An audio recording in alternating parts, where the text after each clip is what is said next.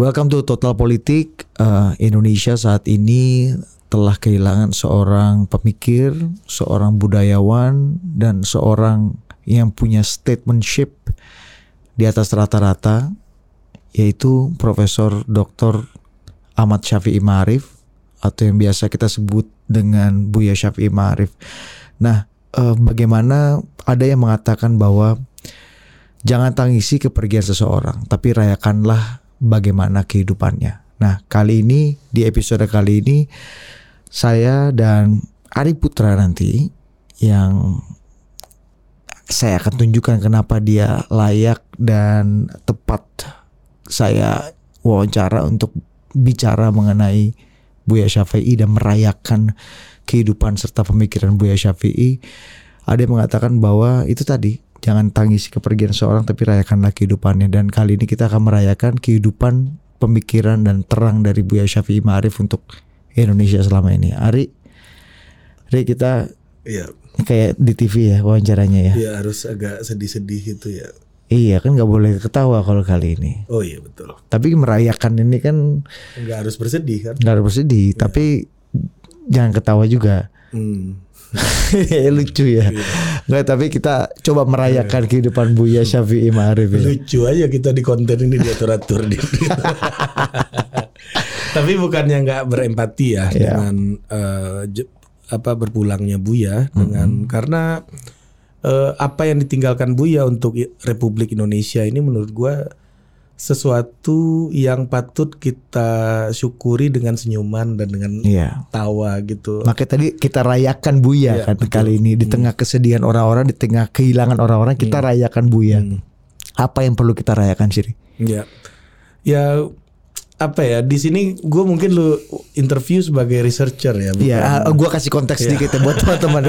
Kenapa? Kan tadi gue udah bilang Anda akan tahu uh, dan akan paham kan nanti setelah 3 4 5 menit bahwa Ari adalah orang yang tepat untuk saya interview. Tapi nggak apa-apa Ari memilih untuk kasih judul dulu di awal supaya Anda punya frame gitu ya. Ari ini skripsinya dan penelitiannya itu tentang uh, pemikiran Buya Syafi'i Ma'arif. Saya bacakan dulu uh, apa uh, judulnya ya. Ntar lu tadi posting soal di Instagram jadi gua contek dari Ya, Instagram karena tentunya gua nggak foto gue sama Buya itu adanya di handphone BlackBerry yang udah yang udah tiada. ada.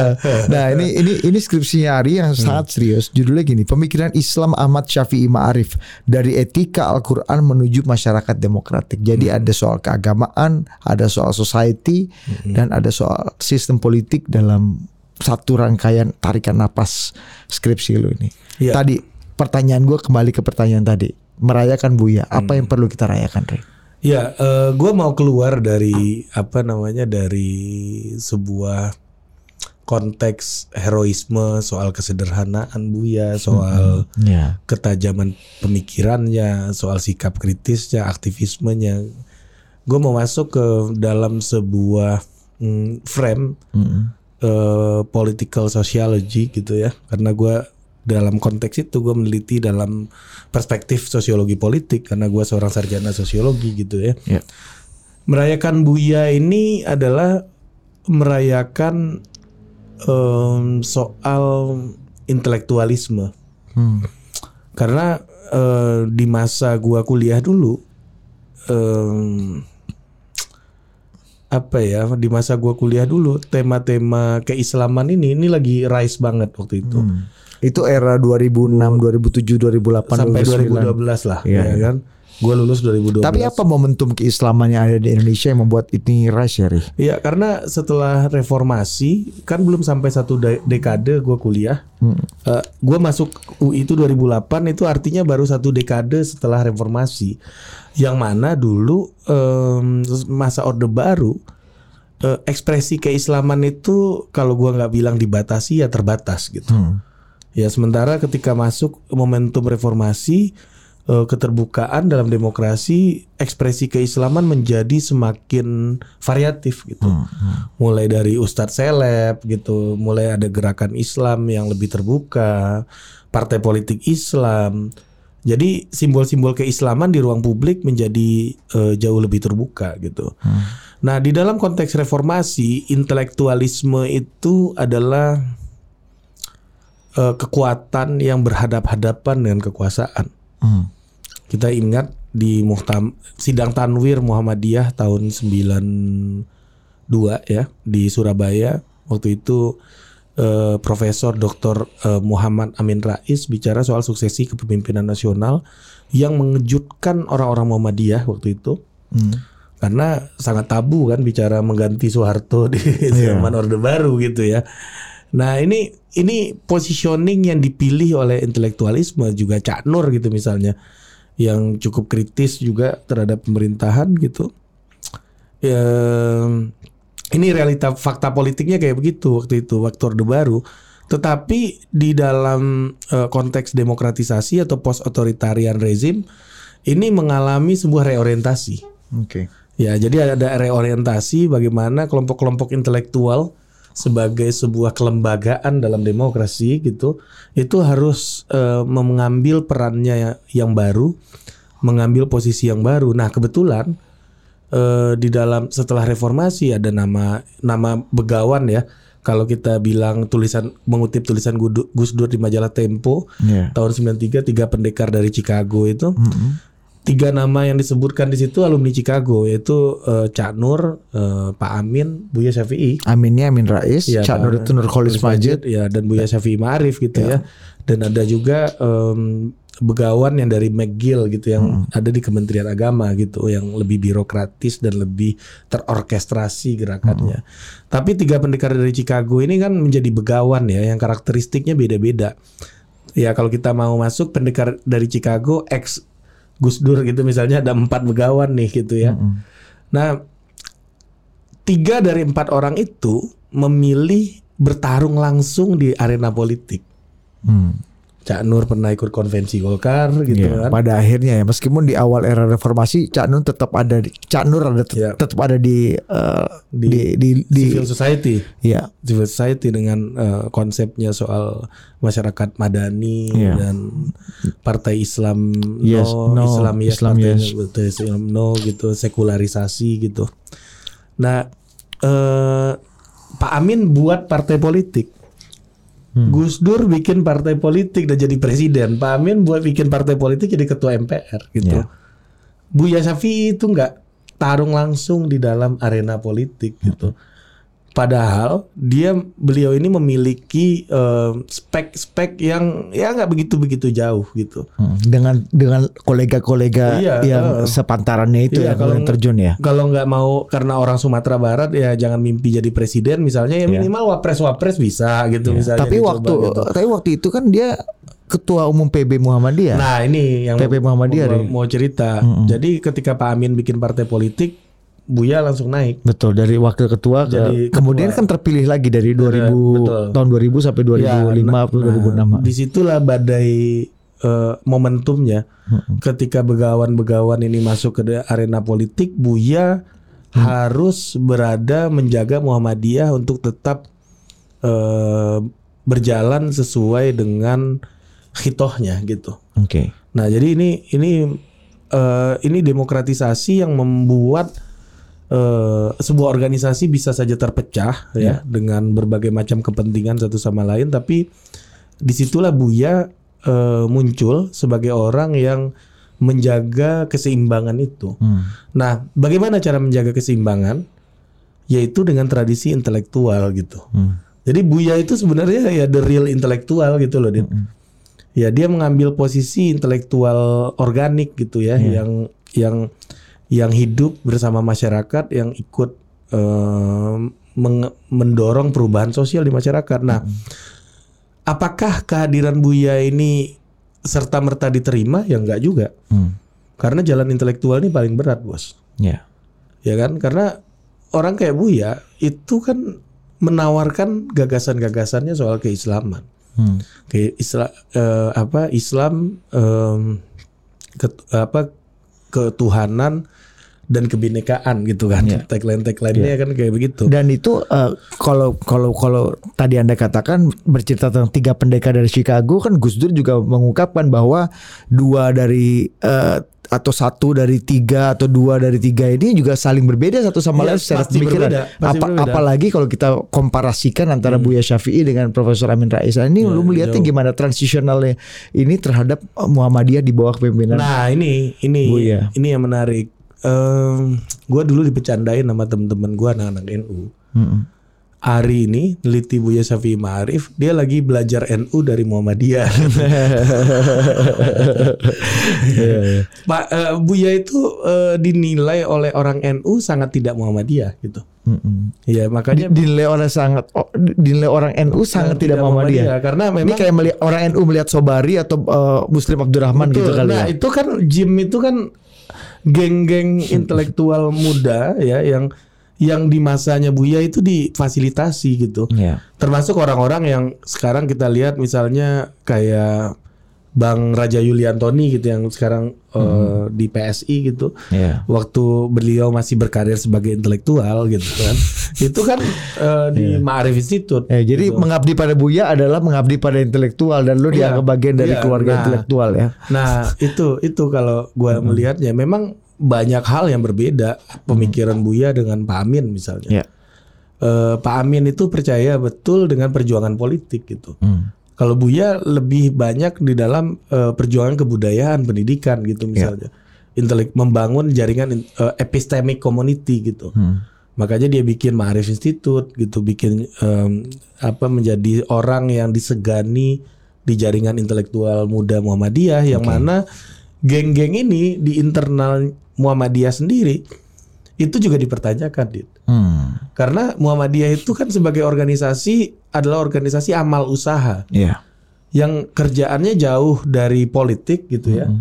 Jauh dari politik praktis tentunya. Yang Inkubasi bisnis ini sebenarnya. bisnis ya kayak dompet Entrepreneurship ya. ya dompet duafa yang lebih besar Iya, eh, iya. eh, large scale gitu ya. Iya. Nah, tapi muncul orang kayak Buya karena itu fakta sejarah yang nggak bisa ditolak lagi karena orang Muhammadiyah sekolahnya makin-makin tinggi, eh, background pendidikannya makin beragam gitu. Hmm. Dan tentunya organisasi yang bertumbuh juga akan makin menemukan orientasi baru. Hmm. Termasuk Pak Amin karena kan background di zaman Orde Baru kan NU itu agak sulit jadi PNS ketimbang Muhammadiyah karena eh, model pendidikannya yang tidak adapt dengan em, gaya modernis pemerintahan Iya. Orde Baru gitu misalnya. Tapi di masa eh, Orde Baru itu Muhammadiyah yang memang sekolah modern itu lebih cocok dengan gaya developmentalisnya Orde Baru yang mungkin bisa diterima sebagai PNS segala macam. Makanya dulu ada istilahnya kalau Kementerian Pendidikan ini pasti Muhammadiyah gitu kan. Betul. Ada Iya. konsep kayak begitu. Kalau dulu istilah pesantren atau lulusan pesantren madrasah itu harus ada penyerataan dulu kan. Penyetaraan. Nah, penyetaraan, Iya, sorry penyetaraan. Penyetaraan dulu kan Iya. dari pendidikan formal yang selama ini Muhammadiyah menjadi Iya. salah satu pelampung. Ya Oke. kan ka- kalau kita tarik ke Kiai em, apa Ahmad Dahlan gitu. Kan Kiai Ahmad Dahlan juga ketika melakukan refo- reform itu juga dipertanyakan kenapa bikin sekolah Islam kayak sekolahnya kafir gitu. Iya. Ya kan orang yang melakukan reform itu pasti akan memunculkan gejolak. Nah, dan Buya ini waktu itu ada salah satu reformis di Muhammadiyah. Reformis, reformis. Apa apa kenapa dia dan bagaimana Buya itu dianggap sebagai seorang reformis? Ya. Padahal kalau kita lihat misalnya di- dari dari eh, pemahaman umum kan sebelumnya dipimpin Pak Amin Rais, Pak Amin Rais dianggap adalah tokoh reformasi Indonesia. Nah, gimana ini begitu eh, diametral gitu Ya. situasinya Kalau eh, Pak Amin, it- Pak Amin pun reformis menurut gua. Hmm, di Muhammadiyah? Di Muhammadiyah karena orang Muhammadiyah nggak bicara politik dan itu. bicara suksesi waktu itu Suksesi ya, kepemimpinan, yang sangat ekstrim ya. Hmm. revolusioner banget Pak Amin tuh waktu itu 92 itu kan dan itu Pak Amin itu menurut gua salah satu orang yang membuka kotak Pandoranya Muhammadiyah gitu ya Oke. oke kita harus ngomongin politik nih gitu Iya. ya kan Pak Amin masuk ketika perubahan politik transformasi politik terjadi maka kerja-kerja amalnya Muhammadiyah itu akan lebih eh, impactful gitu Ya. Nah, Buya punya keyakinan yang lain. Ketika kita bisa bertransformasi secara teologis gitu, maka dampak kita ke masyarakat juga akan makin besar. Oke. Nah, Buya itu lahir dari intelektual ketika dia kuliah di Chicago nih. Dit. Dia di- dibimbing oleh seorang profesor bernama Fajrul Rahman. Fajrul Rahman ini the father of um, neo-modernism, Islamic neo-modernism. Ya. Dan langsung dibimbing oleh Pak Wajro. Iya, Fajrul Rahman, eh, Cak Nur juga Iya. kan. Dan Amin juga. Pak Amin enggak, Pak Amin Pak di Amin nggak. Department of Politics, Oh, apa iya, iya, government ya. Jadi beda Ini departemen. filsafat Islam ya. Ya, ini filsafat sejarah Filsafat Islam sejarah Islam. Klasik istilahnya kalau di Amerika tuh. Oke. Nah, eh, Buya ini em, backgroundnya kan sejarah ya. Ya. Jadi kalau kita bicara sejarah intelektualnya Buya, beliau ini dulu adalah orang yang sangat percaya bahwa solusi bangsa Indonesia ini adalah negara Islam. Hmm. Menarik nih. Dia berangkat dari situ, dia aktivis Masyumi di masa mudanya dan dia percaya betul bahwa apabila Indonesia is- negara Islam maka permasalahannya akan selesai. Nah, ketika pertama kali bertemu dengan Fajrul Rahman di Chicago, Buya bilang gini, Profesor Fajrul, could you give me a fourth of your knowledge? I will convert Indonesia to the Islamic State. Katanya. Hmm. Jadi seperempat ilmunya Fajlur itu bisa dia pakai untuk mengubah Indonesia jadi negara, negara Islam. Islam. Nah ini ini sebelum lanjut ini menarik sekali nih. Apa yang lu jelaskan tentang Buya pra Chicago dan Buya pasca uh, post Chicago ini sangat berbeda. Bahwa Buya yang kita kenal sebagai seorang pluralis, seorang yang statement ya, Iya. seorang negarawan yang berdiri di atas semua golongan, ternyata berangkat ke Chicago dengan tesis Bahwa bahwa Indonesia akan menjadi besar, akan menjadi maju dan akan menjadi lebih baik kalau menjadi negara Islam, ya. ini menarik. Ya. Buya pra Chicago. Ah, nih, Iya. nih, eh, Nah, lanjut nih. Rahman jawab gini, seperempat ilmu gua, ah, lu bisa ambil semua. Jangan seperempat, ambil semua katanya. Kira-kira kayak gitu Iya. kata Rahman gitu. Dan bu- waktu gua interview Buya, kata Buya itu suasananya dit Hmm. diskusi sama Rahman tuh memang di kelas satu hal gitu ya. Tapi suasananya yang di rumahnya Rahman gitu ya. Itu kayak dilanggar-langgar gitu, Dit. Hmm. Kayak di pesantren-pesantren NU gitu. Duduk Jadi, bersila dong Rah- berarti. Iya, harus bersila Rahman buka kitab. Ah, mereka ngikutin tuh. Eh, ngaji ya, unquote ya. ada- iya, ini kan semua gitu. Ah, terus terus. Jadi eh, dia memang eh, belajar banyak sama Fajrul Rahman dan itu secara intelektual mentransformasi pikirannya gitu. Em, Fajrul Rahman ini neomodernisme Islam. Hmm. Secara filosofi neomodernisme Islam itu adalah em, sebuah pemikiran gitu yang merasa ada stagnasi di dalam tradisi-tradisi keislaman. Oke. Stagnasinya kenapa? Tahu nggak? Karena ilmu-ilmu keislaman didekati dengan pendekatan-pendekatan keislaman aja gitu. Oke. Pendekatan fikih, pendekatan ya tauhid dan lain-lain gitu. Menurut Rahman, butuh pendekatan ilmu pengetahuan modern untuk melihat Islam gitu. Dan itu terbilang baru pada waktu itu Iya, ya. dan itu revolusioner. Ibaratnya ngobiak-ngobiak Islam dengan Iya. ilmu-ilmu Iya, makanya- kontemporer gitu. Makanya dia diusir dari Pakistan kan. Iya. Jadi waktu Buya sholat Jumat di Chicago, ada seorang Pakistan gitu duduk sebelah Buya. Lalu Buya eh, nanya, dari Hmm. mana? Pakistan. Oh Pakistan. Oh saya eh, apa my eh, my study teacher, gitu kan ah. under I'm a student under ya, under Profesor Prof- Rahman. Profesor Rahman kata Buya. Oh he's not a good Muslim. Karena Rahman Iya. pernah diusir di Pakistan ketika dia menjadi kepala lembaga fatwa. Oke. Lembaga fatwa di Pakistan tuh kayak lebih tinggi daripada MUI ke di Iya, sini iya. karena jadi hukum negara gitu. Nah dia menghalalkan penyembelihan hewan pakai alat, Iya, pakai iya. mesin, terus bank konvensional dan Ya, lain-lain. jadi lah. fa- ya, lembaga fatwa ini kayak mahkamah konstitusinya Ya, betul. ini ya, Ya. apa namanya yang berhak menerjemahkan konstitusi Nah, gitu. Oke, betul. terus nah eh Bu- eh, Buya akhirnya belajar dengan Rahman di sana Hmm. dan menurut gua konteksnya tidak hanya eh, percakapan intelektual Buya gitu Hmm, karena gua sosiologi Dit. Sosiologi itu kan soal bagaimana melihat mobilitas vertikal, mobilitas horizontal, Ya. soal perubahan struktural masyarakat. Lu ketika miskin sama lu ketika kehidupan lu lebih baik itu Hmm. itu ada cara interaksi yang berbeda gitu. Oke. Jadi sosiologi itu kan berbicara sosius. Jadi perilaku manusia di dalam kelompoknya. Mm-mm. Ketika Buya berkelompok di Indonesia, dia dekat dengan Masyumi, tapi di sana dia akan berbeda lagi perilakunya di dalam Iya. kelompoknya. Oke.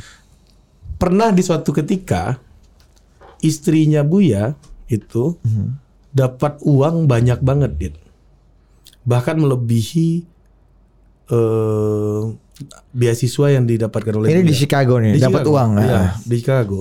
Tahu nggak kenapa? Kenapa? Jadi babysitternya anak-anak Yahudi Hmm. gitu. Seorang yang percaya dengan negara Islam, Islam. gitu dihadapkan dengan fakta di Amerika Serikat, sebuah negara sekuler ya, gitu kan.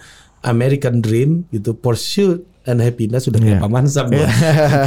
gitu. Tapi Eh, itu fakta sosiologis yang akhirnya dia harus hadapi gitu ya. di Chicago itu. Akhirnya dia bisa beli mobil.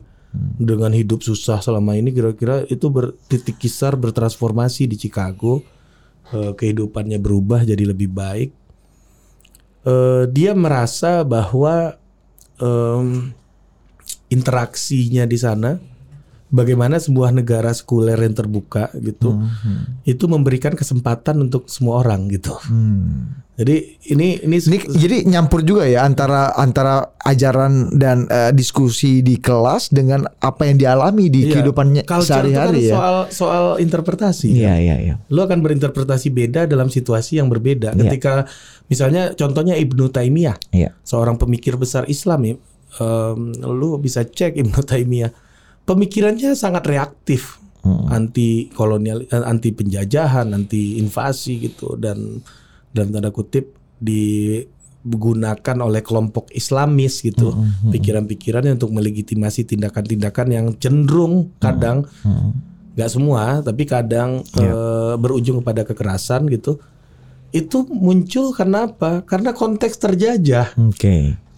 ini akan berbeda ketika lo berpikir di dalam Iya. konteks Iya. yang lebih Life, liberty, and pursuit Nah, of happiness betul, tadi ya. betul. Dalam kondisi tiga pilar itu Iya. ada di depan mata lo. benar. ya nah ini eh, akhirnya berubah gitu kehidupannya di sana dan eh, bahkan Buya mengaku punya cukup uang banyak waktu itu pulang ke Indonesia setelah selesai studi disertasi Gini, banyak juga orang yang mengalami kehidupan seperti Buya misalnya ya, ketika di, ketika datang dengan premis apa namanya menjadi membuat negara Islam di sana juga ah, terpaksa bekerja dalam sistem dan eh, cara kerja kapitalisme pulang ke sini tetap jadi eh, punya cita-cita tetap mendirikan negara Islam. Iya, tapi- apa yang bikin Buya itu Iya, swing gitu, Ri? Nah, itu kan pertama eh, lu mencapai kebahagiaan di sana kan tidak biasanya orang yang tetap kayak gitu kan nggak belajar sama Fajrul Rahman gitu. Iya. kan? Tapi Buya Iya. kan dia bela- belajar fisika atau belajar di MIT gitu atau bisnis gitu.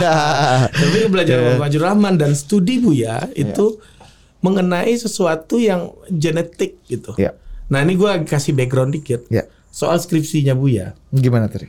Syafi'i Ma'arif itu menulis skripsi tahu nggak lo soal apa? Ini di- ini di kampus mana sih, Bu ya? Di UNJ. UNJ ya. Eh, u- Ya, apa Universitas- UNY, UNY, IKIP, IKIP Jogja ya? Tahu nggak lu? 26 tahun beliau ngajar di sana ya. Skripsi sejarah Buya itu soal apa? Soal Vietnam, bos. Hmm. Keman, kenapa ideologi komunisme itu begitu kuat di Vietnam? Hmm. Jadi eh, Buya tuh studinya soal komunisme S1-nya. Karena Iya, dia berpikir akhirnya dia menyimpulkan bahwa ideologi yang kuat Hmm. yang bertahan itu adalah ideologi yang relevan dan mendapat dukungan dari rakyat gitu. Hmm. Ideologi yang nggak dapat nggak dapat dukungan dari rakyat, lu mau namain apa pun Ya. itu nggak akan bertahan gitu. Nah, kenapa dalam konteks dia pergi ke Amerika dia punya premis negara Islam? Ya, karena ya itu tadi bahwa dia masih berada di dalam suasana kekecewaan Masyumi dibubarkan segala macam gitu kan masih Hmm. Jadi ini ada- perlawanan politik dia Iya, sebenarnya. iya, ya. jadi- perlawanan intelektual dia sebenarnya. Ya. Makanya eh, apa yang terjadi di Orde Baru, gue yakin komunisme pun nggak hilang seperti halnya Iya. dengan eh, loyalis-loyalisnya Masyumi yang nggak pernah hilang juga gitu. Iya. ya kan? termasuk DITI segala Iya, macam yang ah. bertransformasi menjadi macam-macam Ya, dia organisasi dan gerakan ber- gitu ya. Bermutasi dia kan. Iya. Nah, jadi eh, Buya ke sana dengan semangat itu karena dia yakin bahwa ideologi ini masih dapat dukungan Hmm, rakyat gitu. Nah, tapi ketika dia di Chicago, dia studi soal eh, sidang konstituante ya. Iya, BP eh, konstituante ya. Iya, tahun 50. Berarti tahun eh, era demokrasi liberal ya, Demokrasi ya. liberal gitu. Untuk membuat konstitusi kita ini ya. Betul. Eh, dan juga soal penghapusan tujuh kata Piagam Jakarta. Piagam Jakarta. Dia menemukan fakta bahwa keberagaman di Indonesia ini ternyata dari dulu Hmm. nggak pernah menginginkan negara Islam.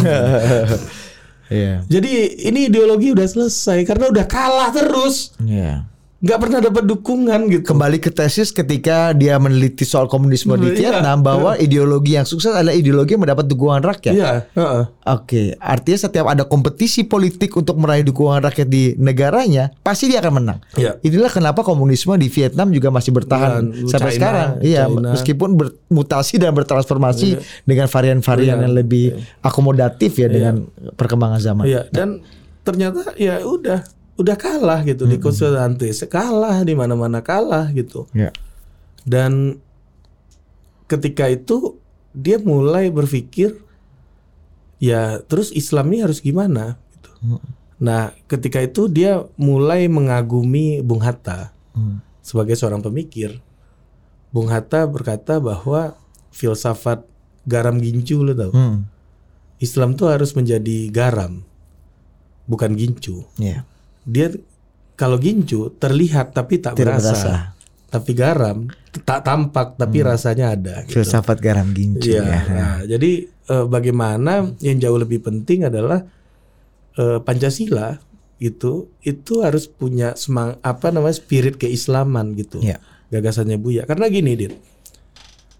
Tapi kan Pancasila itu gagasan dari zaman Mm-mm. yang digali Bung Karno dari Dari tanah. dari eh, apa ah, namanya, apa namanya, eh, perut bumi Indonesia ini dalam sejarah Indonesia itu Sanskrit gitu. Hmm.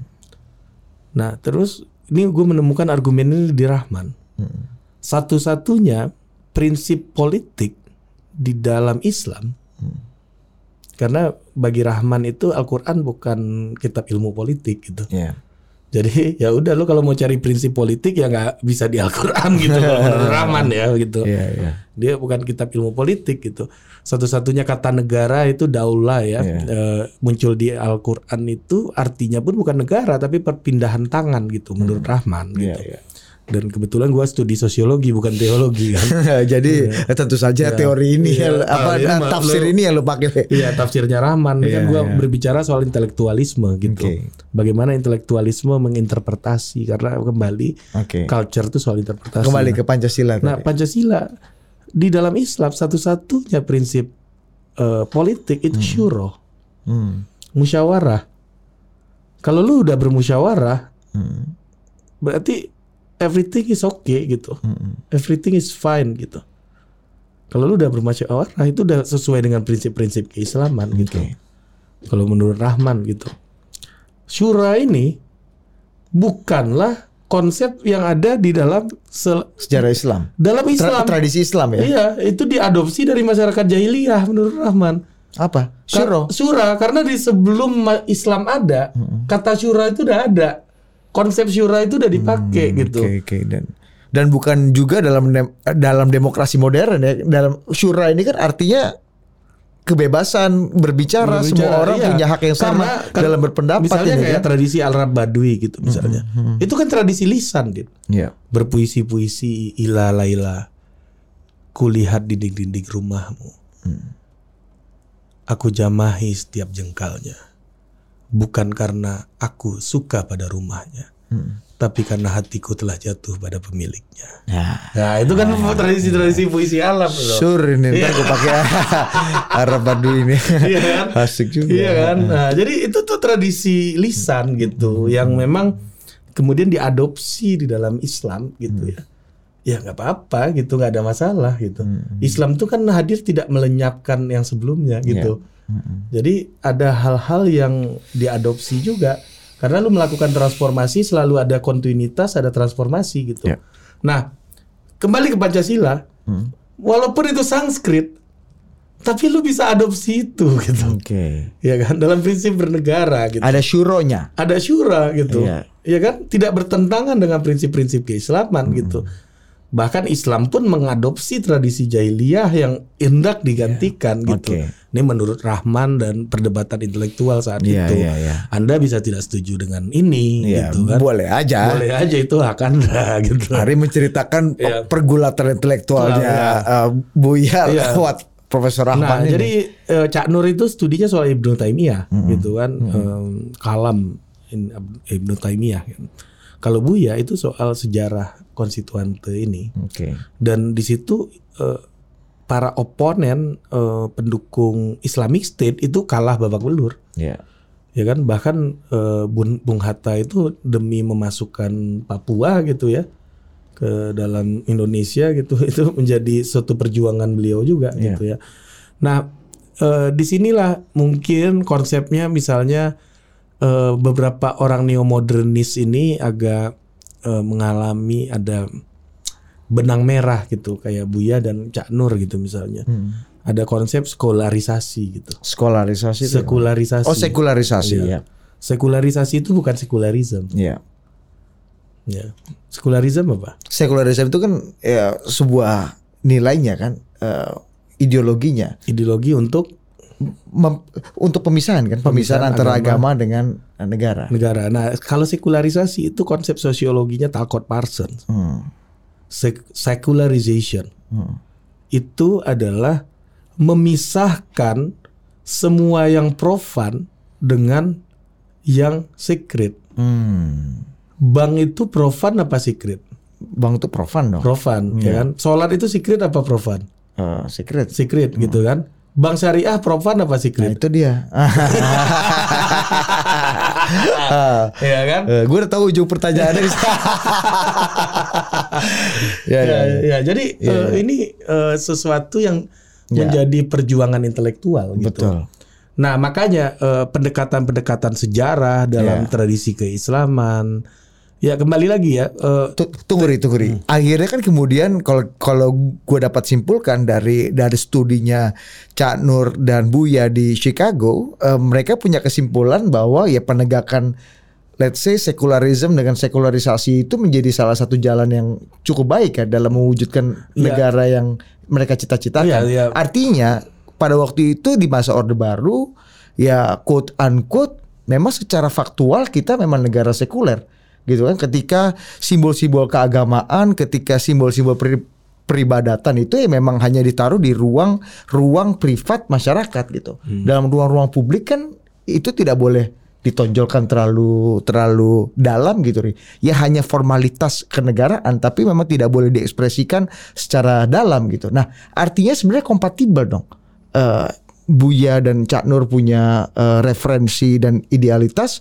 dengan apa yang sebenarnya terjadi di Indonesia. ya, tapi problemnya dit bukan dengan kekuatan politiknya juga gitu ya, Hmm. bukan dengan problemnya itu bukan dengan eh, ini ya eh, kebijakan negara, tapi dengan koersif ini ya. problemnya adalah orang-orang yang tereksklusi itu adalah masyarakat yang beragama Islam seperti itu.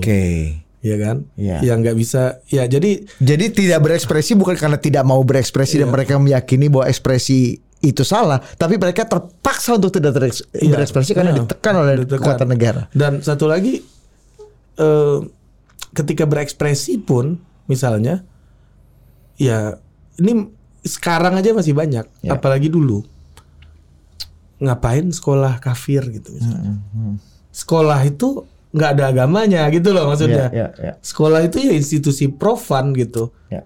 ya kan bukan peribadatan gitu misalnya kayak gitu dan orang Islam ya masyarakat Muslim jadi gini gampangnya gini deh intelektual intelektual ini dikirimkan untuk kaumnya Ya. ya jadi kaumnya emang itu masalahnya ketika itu gitu gampangnya kayak gitulah Ya, gitu oke, oke. lu sibuk dengan em, let's say Muhammadiyah gitu dengan dana usaha dengan Ya. amal ibadah Dengan gitu kesehatan, pendidikan, Ya, bikin ya, tapi sekolah. tapi lu eh, abai dengan pengembangan pengetahuan gitu misalnya. Ya, ya. yang mana eh, perdebatan dan dinamika pengetahuan ini menjadi diskursus dunia yang mana Oke. em, dulu kan kita pernah berpikir bahwa Indonesia ini menjadi poros em, perkembangan Islam di dunia, Asia bahkan di dunia gitu. Dulu nih era kapan? Ya era-era Medium kapan? ya pas masa-masa ini ya, masa-masa tahun eh, 70-an, 80-an munculnya Cak Nur dan lain-lain ini gitu ya.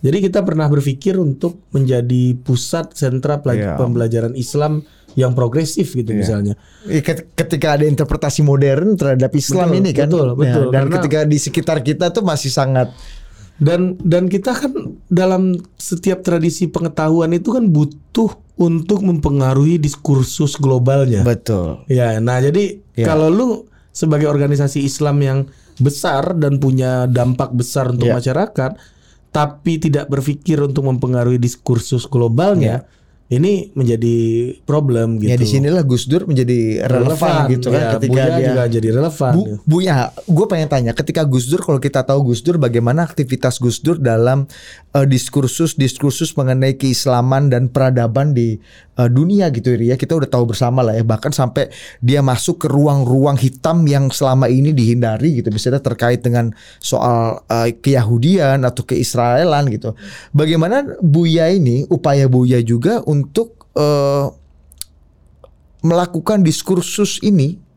Lu tadi kan lu bilang kuncinya adalah tidak hanya mempengaruhi umat lo tapi juga bagaimana kita menonjol dan menjadi eh, referensi penting gitu bagi peradaban politik dan peradaban di- diskursus mengenai keagamaan di dunia ini. Ya, Eh, karena- Bu- Buya gimana? Apa perjalanannya kalau menurut lo? Eh, ya, ini gua lagi Sambil cari aja, lagi ngecek sebuah apa namanya eh, artikel gitu ya, Dede. Hmm. Buya ini adalah eh, apa namanya eh, penerima Raymond Magsaysay Award. Oh, Raymond Magsaysay. Iya, ya. jadi itu pernah- Filipina sih. Itu di No- Filipina. Nobel Prize-nya Southeast Asia. Hmm. Ya, eh, kalau nggak salah. Ya, ini jadi sangat eh, penting gitu ya. Mm-mm. Eh, perjuangan-perjuangan keislaman. Ya.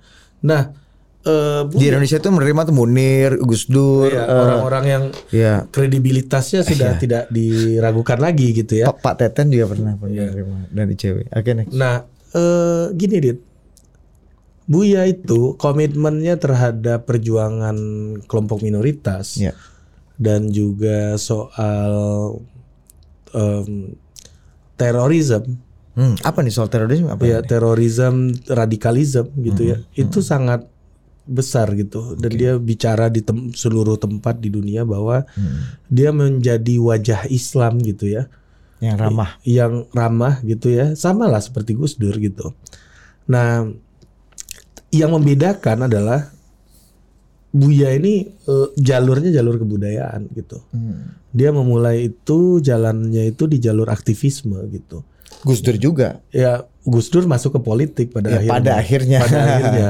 Ya kan Buya orang yang cukup sabar untuk berada di situ. Iya iya iya. Gue bukan bilang Gus Dur itu buruk masuk ke politik, Iya, iya. ya, tapi kadang-kadang orang masuk ke politik itu kan karena udah jenuh aja. Betul. Ini kelamaan nih gitu kan. Berunding berunding terus kita di civil society nih kan. Iya kan? Nah, Tapi akhirnya kan Buya juga kemudian meskipun tetap ada di luar sampai ha- akhir hayatnya, influence dia kepada Politik politik, tetap jalan, kuat, tetap bukan tetap jalan. jalan, kuat Ya. sekali sampai Pak, sekarang. Pak JK 2009 Buya endorse. Ya betul. Pak Iya. Jokowi apalagi iya, gitu kan ketika endorse. berhadapan-hadapan polarisasi dan yang wah, agak membekas gua itu Ahok. Soal Ahok gitu ya. Ketika yang lain mengutuk gitu, Buya tampil dengan lantang, Ri.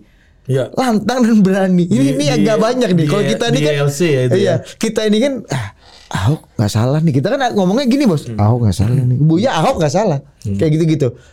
Apa yang bikin Buya ini berani dan tebal meskipun oh kan Buya Muhammadiyah enggak juga dalam tesis lo uh, Buya ini quote unquote dianggap minoritas di Muhammadiyah tidak mewakili uh, opini Mainstream. komunal mainstream di Muhammadiyah Ag- energinya dari mana Rick? Nah ini, Dit.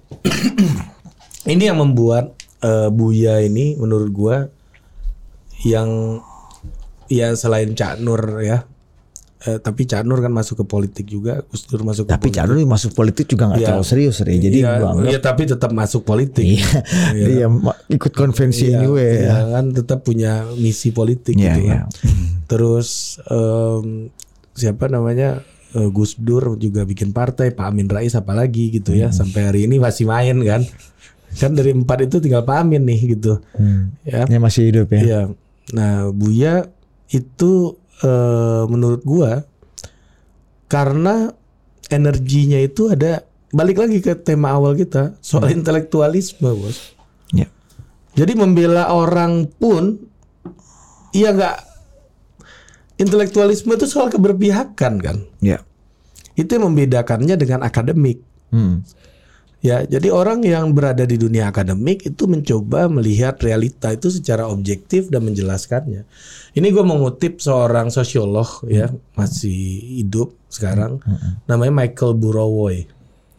Dia menulis soal public sociologist, soal em, apa academic sociologist dan juga profesional sociologist gitu.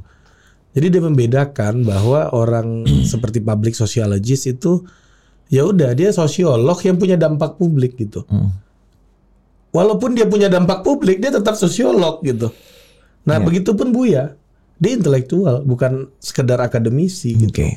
Nah, jadi eh, setiap pembelaan pun itu bagi orang kayak Buya itu adalah pembela pembelaan atau dukungan intelektual gitu loh. Ini soal keberpihakan bahwa dia yakin orang ini punya platform ideologi, platform pemik yang sesuai dengan perjuangan intelektual dia.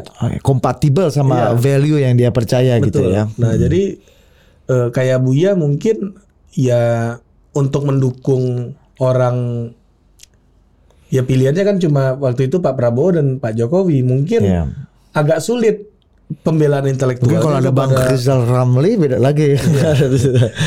pembelaan intelektualismenya agak sulit kepada eh, Pak Prabowo ketimbang kepada Iya. Pak Jokowi. Jadi maksud gue begini, Meskipun ada Pak Hatta di situ. meskipun ada Pak Hatta yang Yang sama-sama Muhammadiyah. gitu ya, tapi lebih sulit gitu. Ya. Nah ingin yang dan Pak JK dari Pak Jokowi yang pernah dia dukung sebelumnya, jadi lebih lebih mudah. Lebih otentik ini Iya, ya. lebih mudah gitu. Nah bagi gue gini, Dit, Eh, Buya itu seorang intelektual. Oke. Jadi perjuangannya itu adalah perjuangan intelektual. Kalaupun Pak Jokowi menang, Hmm. personal interestnya ya nggak ada juga. Hmm. Rumahnya tetap di Nogotirto gitu misalnya, rumah yang dia beli eh, setelah dia eh, balik dari Chicago kalau gue nggak salah. Hmm. Dan ngajar di IKIP Jogja Iya, ini ya. tetap hidup seperti biasanya. Jadi political activity-nya adalah intellectual activity itu sendiri Oke. gitu. Jadi keberpihakannya adalah keberpihakan intelektual. Orang-orang kayak Buya ini ya sering kali dianggap naif memang. Ya kan kalau kita bicara kelebihan-kelebihan kan udah tadi gitu ya. Hmm. Tapi ya anggapan orang dia beliau adalah orang yang naif gitu. Hmm. Ya karena kebaikannya itu bisa aja digunakan orang untuk hal yang dia nggak bisa kontrol lagi gitu Iya, ya. iya. Ya dia melihat ini sebagai sebuah eh, intellectual exercise instead of Iya, power relation seperti Pak Amin, betul. ya kan? Jadi bagi Buya ini pekerjaan intelektual aja dukung mendukung Iya, orang dan ini. dan mungkin dalam hatinya Buya bersyukur jika ada apa namanya kekuatan politik yang memakai influence dan uh, value-nya untuk diperjuangkan dan diterapkan itu menjadi hal yang lebih Iya, baik lagi kan mm, misalnya iya. kan tanpa harus Buya sendiri yang masuk dan bertarung dalam Betul. medan politik gitu. Betul, harusnya ya kayak begitu. Iya. Harusnya perjuangan intelektual itu dilakukan dalam Iya. pertarungan politik. Kalau bahasa lu kan ini masalah sabar nggak sabar aja Iya, mungkin sabar, ya mungkin sabar. ya kita nggak pernah tahu. Kalau gua sih lihat Buya sih bukan ya sabar dia orang beliau adalah orang yang sangat sabar dengan jalannya. Iya. Kan itu godaan tuh luar biasa di posisi itu, Dit. Di posisi ketua Muhammadiyah, intelektual, Betul. eh, PhD dari Un- Universitas Chicago, Iya, semua atribusi yang diinginkan oleh orang tuh Buya itu punya. Influencer luar biasa Influencer, gitu ya dalam uh, intelektual keagamaan. Apa yang menurut gua sulit gitu untuk dia melihat dirinya kayaknya gue sini aja deh gitu. Mm-mm. Itu tuh bukan perkara mudah gitu. Iya. Godaan tuh pasti selalu ada. Ini gitu. kembali ke salah satu mitosnya Washington lagi kan. Dia menjadi besar karena dia tidak menggunakan Bukan kekuasaannya, kekuasaannya, gitu. potensi dan peluang yang ada di depan mata dia tidak gunakan. Dan orang merayakan Washington dengan cerita-cerita gemilang soal tidak menggunakan kekuasaan Iya, itu. Apa pun itu di jalur politik sekalipun bagi dia menurut gua ya itu sebagai sebuah perjuangan intelektual Ya. gitu. Nah, ini ini yang yang yang perlu kita lihat. Bukan gini. Gua membedakan di sini ya eh, pandangan akademik dengan pandangan intelektual gitu. Kalau akademik itu pasti interestnya kepada pengembangan ilmu pengetahuan. Kalau intelektual kadang-kadang pengetahuan nggak berkembang gitu kan. Bahkan sering kali pikirannya nggak mengembangkan pengetahuan juga gitu. Tapi ya eh, kalau dibilang nggak ada sama sekali ya ada tentunya gitu. Tapi eh, public influentialnya, public influence-nya lebih besar gitu. Dan itu yang dilakukan Buya bahwa em, menurut gua perjalanan Buya itu adalah perjalanan eh, bertumbuh dalam intelektualisme gitu. Hmm, itu ya, bertumbuh dalam intelektualisme intelektualisme. dan di situ dia hidup ya Ya hidupnya dan memberikan terang pengaruh buat ya rumah itu, eh, Buya itu adalah orang yang berumah di dalam intelektualisme gitu. Hmm, oke. Kayaknya lu pernah dengar eh, kata-kata kayak gitu tapi bukan di intelektualisme kan. Di mana? Berumah di politik gitu. kalau kita oke. kalau kita kontrak. Iya iya iya. Hari ini ini kita udah mau hampir satu jam nih nggak kerasa. Eh, gua lu tentu saja di awal lu kasih eh, disclaimer eh, kita jangan kalau gua hampir baca semua obituari nggak semua sih banyak sekali obituari dan tulisan-tulisan tentang testimoni tentang Buya 80% bicara tentang kesederhanaan eh, dia keluar dari tadi lu bilang bersabar dan nggak mau masuk politik hal-hal yang yang kita kita rayakan tentang Buya sekarang. Nah kita kembali gitu. Eh, mungkin kalau buat kayak teman-teman kita kayak Molembot gitu ya, misalnya Abraham Abraham Molembot. Atau Cok Barbara. Kalau Ucok udah agak lebih Oh, lebih lebih stoik. lebih stoik ya.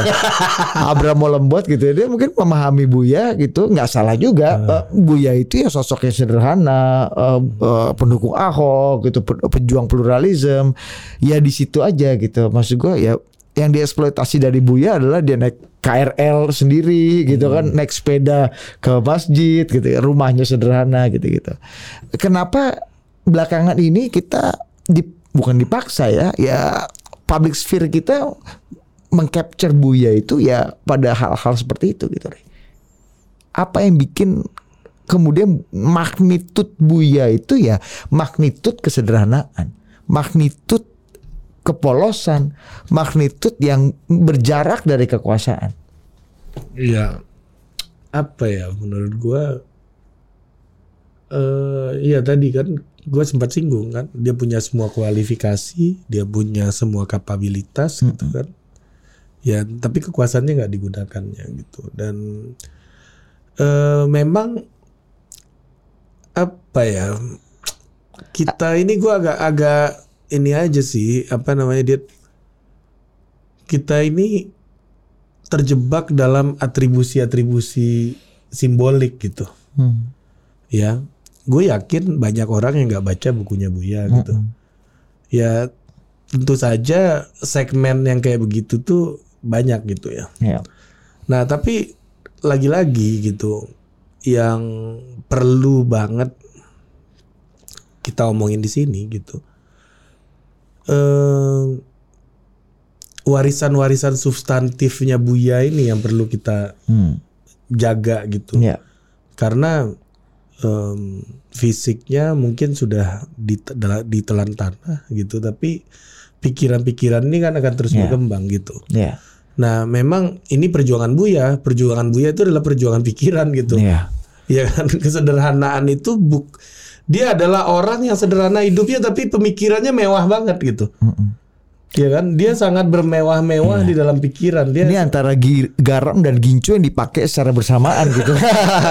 itu ada Ada asinnya yang sangat ketara dan merah merekah yang eh, Terlihat. bisa kita nikmati dari gincunya gitu. Iya, makanya dia orang yang sangat mewah dalam pikirannya gitu. Iya. Atau mungkin gini deh, bagaimana sampai saat ini kita merayakan kehidupan uh, Jenderal Hugeng gitu ya. Hmm. Dirayakan setiap tahun, dijadikan inspirasi. Oh, itu Pak Torik tuh. Iya Pak Torik Anda sukses Dijadikan inspirasi tentang bagaimana memanifestasikan integritas dalam kehidupan bernegara gitu. Hmm. Nah mungkin kesederhanaan itu akan jadi pintu masuk kita merayakan Buya sebelum kita merayakan hal-hal yang lebih dalam dan kaya yang lainnya. Jadi memang ini nggak bisa lo salahkan atau tidak bisa dikecilkan juga Nggak, orang nggak, yang nggak, merayakan Buya dari sisi ini. Tapi gitu. gini, Din, ini harus dikritisi juga menurut gua. Ya karena em, itu nggak salah gitu, tapi we expect more gitu. Ya. Karena gini, Buya nggak bu, Buya nggak sekedar itu. Iya, gitu. bagi nggak sekedar itu. Kalau hanya se- sekedar eh, sederhana, bokapnya teman gua Iwan Trikarso juga sangat sederhana Ya, kan. Tapi bagi Abraham Lembot ya Buya ya itu kan. Iya, jadi Bukan Buya kawan-kawan, Buya ya. nggak sekedar itu. Kita harus beyond gitu melihat Iya. seseorang yang kontribusinya begitu sangat besar gitu buat keindonesiaan dan keislaman gitu. Dan menghadirkan gagasan-gagasannya lagi di ruang publik gitu. Nah, menurut lu gimana ke depan kita sebagai pewaris ya? Ini eh, melihat bagaimana kita memperlakukan orang-orang eh, intelektual-intelektual besar di Indonesia seperti layaknya Gus Dur, Cak Nur, eh, sampai orang seperti Hatta dan Bung Karno gitu ya. Ari, kita- lu biasa nanya hikmah ke narasumber kita. Gue pengen tanya hikmah apa yang bisa kita lu share kepada Mas Topo nih Iya, tentang Buya. ya gini em, perjalanan intelektual itu nggak mudah Eh, perjalanan pikiran itu nggak mudah. Ketika lu harus eh, berhadapan dengan ombak perubahan pun lu terkadang lu harus beradaptasi gitu. Ya. nah itu yang dilakukan oleh Buya berbagai macam tsunami dihadapi secara intelektual berapa berbagai macam ombak eh, dihadapi dan dia mencoba terus bertahan untuk berada di jalurnya gitu. Ya. di jalur intelektualisme tadi gitu gagasan yang mempengaruhi dan mengawal publik dalam melewati perubahan sosial. Itu intelektualisme gitu orang yang memiliki gagasan dan untuk mengawal publik dalam mengarungi sebuah perubahan sosial. Nah. makanya kata Buya begini dalam bukunya Dit. aku terdampar ke tepian karena belas kasihan ombak. Jadi ya.